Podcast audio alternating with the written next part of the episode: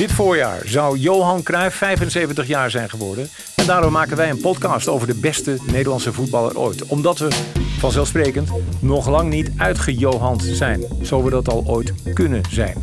Er is nog zoveel over Johan dat we niet weten. Dit ga je horen in de serie De Onbekende Cruijff. Hoe ontstond de al dan niet fluwele revolutie van Johan Cruijff bij Ajax echt? Wat was dat nou precies voor een overval in Huizen Cruijff in Barcelona, als gevolg waarvan Johan niet naar het WK in 1978 zou gaan? En omdat Johan Cruijff dan in zekere zin misschien wel onsterfelijk mag zijn, maar ook gewoon een mens.